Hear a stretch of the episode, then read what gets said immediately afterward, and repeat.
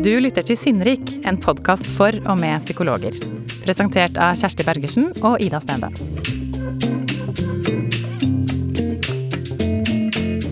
Å ha tweens og teens i terapi kan være utfordrende. Særlig når det kommer til det å få kontakt og komme i gang med noe du tenker kan være til hjelp. Jeg heter Ida Stendal og er psykologiredaktør i Gyllendal.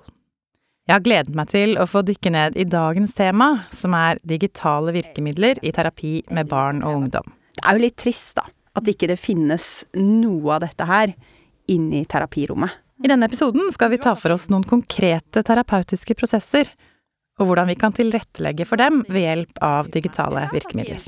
Jeg føler at jeg har vært litt sånn vågal når jeg ikke har sagt liksom putt den i lomma når mobilen kommer opp, men heller sier ta den opp, vi skal bruke den. Og så blir liksom foreldrene litt sjokka, og barnet litt sjokka. Til å fortelle oss om dette har vi fått med oss Torunn Vatne, som er psykologspesialist og jobber ved Frambu kompetansesenter for sjeldne diagnoser. Der møter hun mange barn og unge, og har gjort seg flere erfaringer med å ta i bruk nye verktøy for å nå frem til dem. Noen ganger så har jeg liksom tenkt hva i all verden er det du driver med, Torunn? Er dette her det du lærte på studiene? Og det er det jo egentlig i bånn. Det er bare det at jeg liker å leke meg på jobben min, og jeg liker å finne nye måter. Og så har det seg sånn at de uh, ungdommene jeg møter, de har med seg det, de. Fordi uh, det er litt annerledes å være barn og unge nå enn det det var når jeg uh, var liten. Ja, for hva, hva, er det du tenker på da? Ungdommene, de har med seg det. Vet du, jeg hadde ikke mobil. Den, den, telefonen den satt fast faktisk på veggen min hjemme. Nei da, de, de, eh, ha, de beveger seg rundt omkring i en helt annen virkelighet. De er til og med i kontakt online når de ikke er i samme rom. De har mobiler, de har PC-er, de har delingsapper, og de har på en måte også i skolehverdagen sin bruker jo også lærerne responsverktøy og ting som jeg tror at, at vi psykologer kan ta med oss inn i terapirommet vårt for å få de terapeutiske prosessene til å gli lettere, rett og slett. Mm. Og kan du, hva, hvordan kan man gjøre det, da, som psykolog? Nei, jeg tenker jo istedenfor å la liksom, eller å si til ungdommen putte mobilen vekk, si å, kan jeg få se hvilke YouTube-kanaler du følger? Så blir du litt kjent. Mm. Um, altså, det er så mye sånt vi kan gjøre. Når du hører om spillet, så tenk hm, i Fortnite kan det kanskje være noen metaforer som er nyttig mat for meg når vi skal snakke videre. Mm. Når ungdommen ikke klarer å si noe, tenk litt igjennom hm, Er det noe jeg kan gjøre nå som Hvor man kan prøve å få uttrykt seg uten at man må si det med ord idet man ser, meg, ser hverandre inn i øynene, liksom? Men jeg tenker på Du sa noe om at uh, dette var kanskje ikke det man lærte å gjøre på studiet som Nei. psykologstudent. Men disse altså, psykologstudenter i dag, de er vel litt inne i denne verden, eh, de også? De er det. Og, og det er ikke mange dagene siden det var en som sa til meg at Guruland, jeg hadde ikke tenkt på at jeg kunne f.eks. bruke mobilen eller vise en film på iPaden eller la barnet eller ungdommen ta en videosnutt eller et bilde av noe som er relevant, mm. for å gå, få i gang praten. Uh, og jeg tror det at, at, på en måte de nye psykologene har en bunnsolid utdanning. Uh, men alle disse nye mulighetene, de tror jeg vi skylder dem å vise frem. For de kan dem mye bedre enn oss. Mm. Altså når jeg prøver å snakke om altså, et eller annet på mobilen eller en eller annen delingsapp, så må jo studentene mine hjelpe meg. Fordi de har mye flere ord, og de har mye større peil på disse online-spillene og alt mulig enn det jeg har. Så jeg tror de har Ja, det ligger litt foran uh, oss andre der, mm. som terapeuter, da. Mm. Men det er jo veldig spennende. Så tenker jeg, men hva, hva er det som stopper? Hva er, det, hva er det som liksom gjør at vi kanskje ikke hopper ut i det alle sammen? Det er kanskje det samme som jeg føler på, da. At når jeg gjør disse ville og gale tingene, er det virkelig ordentlig terapi? Er det på en måte Er jeg flink psykolog da? Jeg trenger litt sånn tillatelse, og jeg er psykologspesialist, Tenk deg da de nye, som kommer kanskje til en BUP med lange tradisjoner, med dyktige, erfarne folk, eh, som de ser opp til. Ja, vi må rett og slett eh, gi hverandre litt tillatelse til å prøve de nye tingene. Men kan vi tenke litt sånn at eh, veldig mye av det du gjør, det har jo det samme formålet. Altså det er jo de terapeutiske prosessene du også jobber mot og jobber med, men at det kanskje er litt At man må tilpasse virkemidlene litt, da. Eh, men kan vi ikke ta for oss da litt ulike terapeutiske prosesser? eh, og målsettinger i terapi. Og se litt hvordan vi kan eh, ta i bruk kanskje litt andre virkemidler enn den klassiske sandkassa, dukkehuset, de andre lekene vi ofte ser for oss på disse klassiske psykologkontorene mm. med barneterapeuter. Um, det første kanskje naturlig å ta for seg, det er jo litt dette med å etablere kontakt. Mm. Jeg kan tenke meg, kommer det jo mange ulike barn og ungdom inn på et eh, kontor og skal møte psykologen. Det kan være alt fra den som sitter og snakker og har masse ord, men til den som ikke har noen ord. Det å etablere kontakt, det er jo liksom første, det første vi blir opptatt av. Mm. Mange barn kommer jo inn eh, til f.eks. en BUP da, og ser lekerommet og tenker 'hoi, dette var et spennende sted', og så, så har de med seg ressurser eh, som, fordi de liker å tegne eller de liker å leke. Men så har du de som det er ganske mange av, som liker å sitte og surfe mobi på mobilen f.eks. Og, og, en av de måtene å bli kjent på som jeg har brukt, er rett og slett å få dem til å vise litt. Eh, og istedenfor å sitte og 'ja, hvilken skole går du på?' Så går det an å liksom bare sånn 'ok, hvor bor du?' 'Ja, ok, du bor her, ja'. 'Ja, hvor er skolen din, da?' 'Ja, hva liker du å drive med?' 'Kan du vise meg det?' Kan du vise meg det ved å søke det opp på mobilen? Og sånn har jeg jo fått unger til å bli kjent med hverandre i grupper også. Eh, at de kan vise hverandre når jeg har hatt gruppesamtaler. Eh, og da det er ikke alltid det er så lett å, å, prate masse når man blir kjent første gang, men det kan være lettere å vise ting, da. Og da mm. kan man bruke mobilen og ha den tilgjengelig. Ja, så hvordan, Hvis vi skal se, en, se, for oss en gruppe som du har, da, med kanskje fem-seks uh, ungdommer, hvordan gjør du det helt konkret? Nei, jeg kan gjøre noe så enkelt som å si at, uh, at, nå skal vi bli litt kjent, og kan dere alle sammen ta opp mobilen og, og søke opp et bilde av det stedet du bor, nå har jo jeg barn fra hele Norge, da, så det er jo veldig enkelt. Ja. Uh, og da er det jo av og til å vise hverandre bildene. Og da blir de jo ofte litt nysgjerrige på hverandre, da. Mm. Uh, og på dette stedet. Uh, og noen på en måte stiller hverandre spørsmål. Andre kan jeg gå videre og si det at ok, vis meg skolen din, da. Se om mm. dere finner et bilde av skolen, og så kan man utforske det, og, og hvor mange barn det er som går der, og hvordan det er å gå der, og Mm. uh, hva som er positivt og hva som er negativt med det. Så jeg tror det er mer det at vi har muligheten til å konkretisere de tingene som vi ellers sitter og prater om med ord, da. Og Men opplever du da at det blir annerledes? Altså hvis du skal sammenligne fra en gruppe hvor du ikke gjorde det sånn, da, men at du mer stilte spørsmålet Kan du fortelle meg litt om hvor du bor? Eller eh, Og så nå har du det gjennom telefonen. Det noe, skjer det noe annet? Er det noe annet som skjer i rommet? Det blir mer dynamikk fordi de må nærme seg hverandre og vise frem og være litt aktive. Men nå er det jo også sånn at jeg ofte gjør dette her når jeg merker at gruppa trenger det. Så det er mm. ikke sånn at jeg tenker one size fits all, at jeg alltid ber folk vise frem ting på mobilen. Mm. På noen går jo går det helt greit med å bruke klassiske metoder som å sitte og prate eller sitte og tegne på et ark mm. mens de forteller, liksom. Så, så, jeg tror det er mer det at jeg tenker at uh, det gir litt mer muligheter og litt mer språk og uttrykksformer til de som eventuelt ville trenge det, da. Mm. Og så er det jo litt sånn som du sier at det, det er jo noen ganger litt tryggere å kunne gå gjennom noe annet som kanskje er litt trygt, da, som er kjent. Eh, for det er jo ikke alltid så lett å sette ord på det som er, eh, er vanskelig. Å komme til det som er viktig, da, i, eh, i, terapien. Du ikke, har, du, har du andre eksempler på hva man kan ta i bruk nettopp for å få til det? Kom, ja. Altså få sagt det som er vanskelig å sette ord på. Ja, og igjen så er jo noen av eksemplene mine fra barnegrupper. Um, fordi um, jeg har i hvert fall dratt, hatt veldig god nytte av å bruke responsverktøy. Uh, og at når man er sammen i gruppe, at man ikke trenger å si ting rett ut hva man mener, men at man f.eks. kan bruke Menti og få beskjed ja, hva, er, hva er responsverktøy? Det ja, det er, ja, det er vi vant til i partysammenheng, er vi ikke det? Ja, Eller, vi er det. Barn er i hvert fall veldig vant til det fra ja. skolen, at vi på en måte har um, ja, får spørsmål eller konkurrerer med hverandre ved bruk av, eh, av eh, ja, ikke sant, av nettet. Mm. At det er eh, Og det jeg gjør, er jo egentlig at jeg av og til lager spørsmål på forhånd. Altså ber barna om å vurdere ting og kanskje har ulike responskategorier, eller ber dem om å, å beskrive noe, skrive inn én til tre ord om deres opplevelse av et eller annet. Og så kan det være anonymt. Selv om når man er en liten gruppe, så blir det ikke så anonymt, men det er kanskje lettere hvis jeg sier sånn ja, hvordan er det egentlig eh, for deg at eh, du har en bror eller søster som, som ja, som ikke er helt som alle andre barn, så er det lettere å skrive det inn på et responsverktøy, og så kommer det opp på en skjerm inne hos, hos oss. Og så kan alle se det at her er alle de ulike tingene som, som barna i denne gruppen tenker. Så kan jeg kommentere det, eller de kan kommentere det selv, men det er i hvert fall et utgangspunkt for samtale, da, at man har fått satt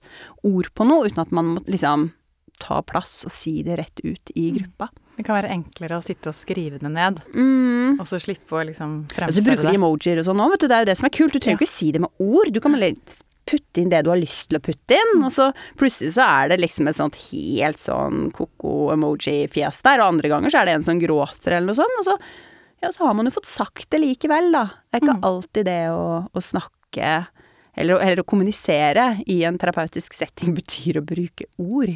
Mm. Så Mm. Det er jo litt interessant at man kan få frem flere, flere sider Mm. eh, i, ved å bruke andre, andre typer kanaler, da. mm. Og så er det jo, jeg tenker på én ting er liksom det i rommet, og det er jo enten med gruppe eller én til én. Så er det jo noe med å få til ting mellom, det er jo ofte et mål i mange terapier, at man gjerne vil få til noe aktivitet mellom timene også. At det skal skje noe der ute, at det skal skje noe hjemme. Med Mm. familien, med venner. Har du noen eksempler der på hva man kan eh, få til? Ja, altså hjemme og i, eh, imellom timene så kan man jo få familien til å jobbe videre med temaer. Uh, og en av de tingene som jeg har blitt mer og mer bevisst, har kanskje vært når vi har hatt terapier med barn som ja, av en eller annen grunn har en, har en vanskelig historie bak seg, som kanskje er litt fragmentert, eller hvor vi jobber i terapiene med å, å snakke sammen om hva er det egentlig som har skjedd, og hvordan har du opplevd det, og, og lage på en måte en tidslinje, da. Og da har jeg plutselig oppdaget at den derre enorme bildebanken som familier har nå, med digitale bilder som ligger ute i skyen, den jo, gir oss jo veldig store muligheter. Så jeg har på en måte jobbet med klienter som har fått i oppgave å sette seg ned enten sammen som familie eller én og én og plukke ut liksom bilder som de tenker er viktig eh, å ha med, som viser enten viktige ting som har skjedd, eller personer og mennesker som de hadde rundt seg da. Eh, og da er det familier som har sagt at vet du, det har vært veldig godt, fordi da har vi kunnet sittet sammen hjemme uten å egentlig snakke så mye og si så mye om hvorfor vi velger det ut, men, men, men det er på en måte en vei mot målet, da. Så den derre Altså, personlig så har jeg helt angst når jeg tenker på hvor mange bilder jeg har liggende der ute, men, men de kan være virkelig til nytte, da. Så Og fint også at det kan være noe man kan gjøre, gjøre sammen. At det blir en Mm. aktivitet. mm. Som du da kan vise frem igjen, da. Ja. I, eh, i samtalen med deg. Mm. Og så har vi jo alt det som, som vi gjør med, med barn og unge som, som krever at foreldre kanskje går inn som nærmest koterapeuter, da. Jeg tenker spesielt på når man eh, Ja, når de får oppgaver som de skal gjøre hjemme, spesielt i forbindelse med sånn eksponering og sånn, hvor vi kanskje har liksom snakket med dem og trent, altså trent med dem på BUP-en om, om, om hvordan de skal få til å gjøre det, og så vet vi aldri helt hva som foregår der.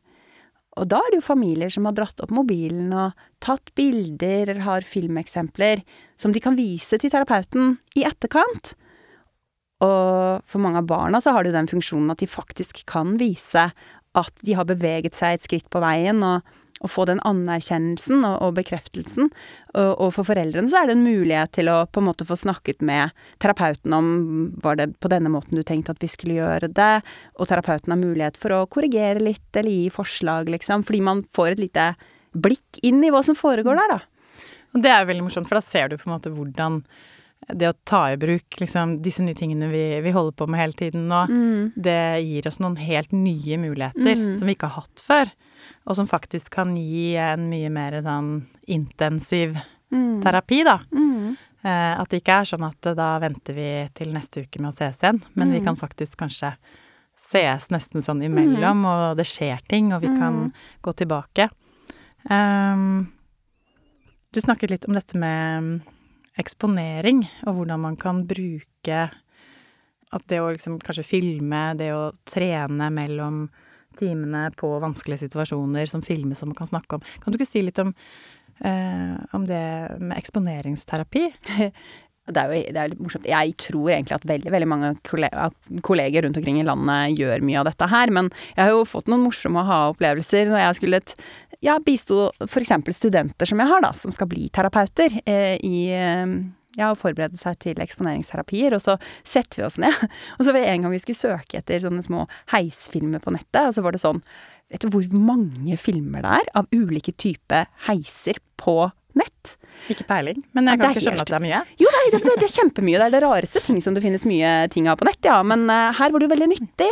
For når man skulle på en måte finne ut av ja, nyansere og finne ut av hva som er skummelt og hvilke grader av skummelt, så er det jo kjempenyttig å ha masse bilder av ulike typer former for heiser.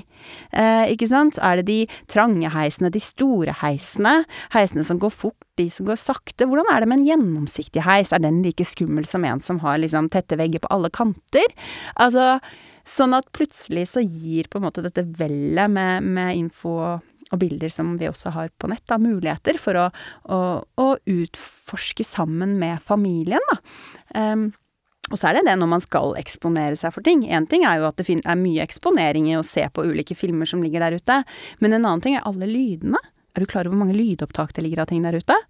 Og det var i forbindelse med, med, behandling av tannlegeskrekk at vi oppdaget hvor mange tannlegelyder du kan finne på YouTube. Det er så fint at uh, disse spesielle, spesielle opplevelsene, spesielle interessene kan komme til nytte på denne måten her, da. Ja, ja, men også tenker jeg, finner vi dem ikke, så kan vi jo lage dem.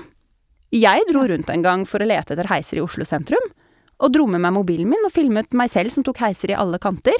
Og det var også nyttig, så finner vi det ikke, så kan vi jo lage det. For vi har jo hele tiden med oss en liten datamaskin i lomma, vi. Vi mm. har liksom smartphonen. Mm. Så ja da. Og så kan man sitte og, sitte og, lete frem lydene sammen og begynne det så vidt og litt gradvis uh, mm. øve seg. Uh.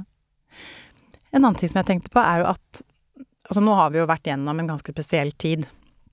Det siste halvannet årene med en pandemi som har uh, også gitt ganske nye rammer for hva psykologene Hvordan psykologer jobber. Og da tenker jeg jo særlig på det at uh, vi ikke har kunnet møte hverandre, i hvert fall uh, i perioder. Uh, og mange psykologer har jobbet på, med video, for eksempel. også brukt digitale verktøy og virkemidler for å komme i kontakt da, med pasienter. Hvordan har denne tiden vært for deg? Den har vært utfordrende og spennende. Men det jeg syns har vært morsomt, er jo at det er så mange kollegaer som plutselig også begynner å, å våge seg inn i den digitale verden fordi de er tvunget, da. Men, eh, men jeg har hatt mye barnegrupper online, og jeg har jo hatt eh, terapier eh, med enkeltbarn og unge online, og, og eh, det funker fantastisk bra, altså. Jeg ser at en del av, av ungene syns jo det er veldig ålreit å kunne være hjemme et sted hvor de er trygge, og snakke om ting som er vanskelig. Så jeg tror at vi glemmer litt at, at da Ja, de kan være inn på rommet sitt i hula si, liksom. Eh, så det har de likt. En annen ting er at de er jo noen racere, så når vi sitter og sliter med Zoom eller Teams eller hva nå vi enn gjør, så gjør jo ikke de det. De, de er jo mer komfortable der i utgangspunktet. Nei, hva, gjør, man, hva, gjør, du for å få dem aktive? Altså, for jeg tenker, det er jo ofte, Man ser jo ofte et lite sånn At det kan være en liten eh, terskel når man sitter og ser hverandre i disse rutene. Ja, altså, er... Hvordan får du barna til å bidra i gruppa når den er digital? Ja, i en gruppe mm. eh, så må man være fokusert eh, og tenke på at her kreves det litt mer strategi fra, fra på en måte gruppeleders side. Mm. Men de kan likevel få i oppgaver for å bli kjent, så kan de få beskjed om ok, stikk og hent en ting som, eh, som viser noe du er veldig opptatt av. Og så løper de og henter noe, ikke sant. Og så fortell hverandre litt om det. Dere andre kan dere spørre, stille litt spørsmål til hverandre om den tingen. Eh, altså det er mye sånne ting man kan gjøre. Skape litt aktivitet. Eh, ja, men hvis du skal ha en gruppe gruppe, så må du være veldig, plutselig veldig tydelig på turtakning og, og, signaler, fordi det sender vi til hverandre når vi sitter i et, et rom. Og det er mer utfordrende når man er digitalt. Men når man er individuelt, så er det jo en helt annen ting.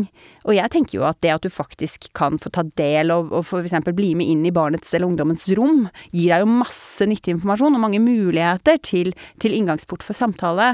Her eh, og, og ja drive pusteøvelser online er ikke noe problem.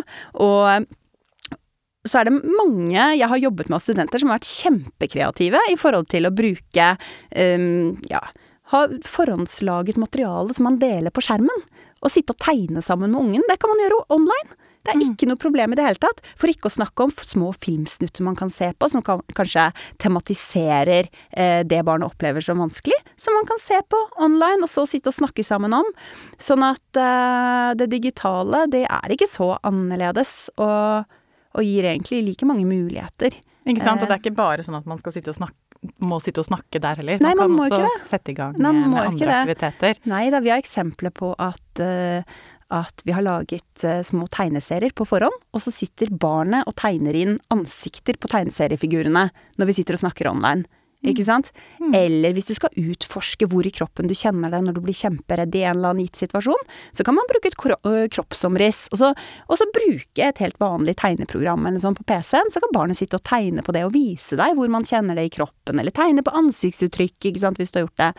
Så um, Nei, så det er ikke så annerledes, men det er klart at det krever at terapeuten kan på en måte det derre Zoom eller Teams eller ja, hva nå det enn er man bruker, da, eller for å ja, for å få Men, det til. Og det er det jo mange som har fått uh, veldig god trening, og som, som, kan det nå. Så det er jo veldig spennende for, uh, for hva som skal skje fremover. Mm. Og så syns jeg det var et poeng det du sa med at uh, for mange ungdommer så er det jo en terskel å komme seg ut av hjemmet og, kom, og gå til mm. kontoret, altså til BUP-en f.eks. Mm.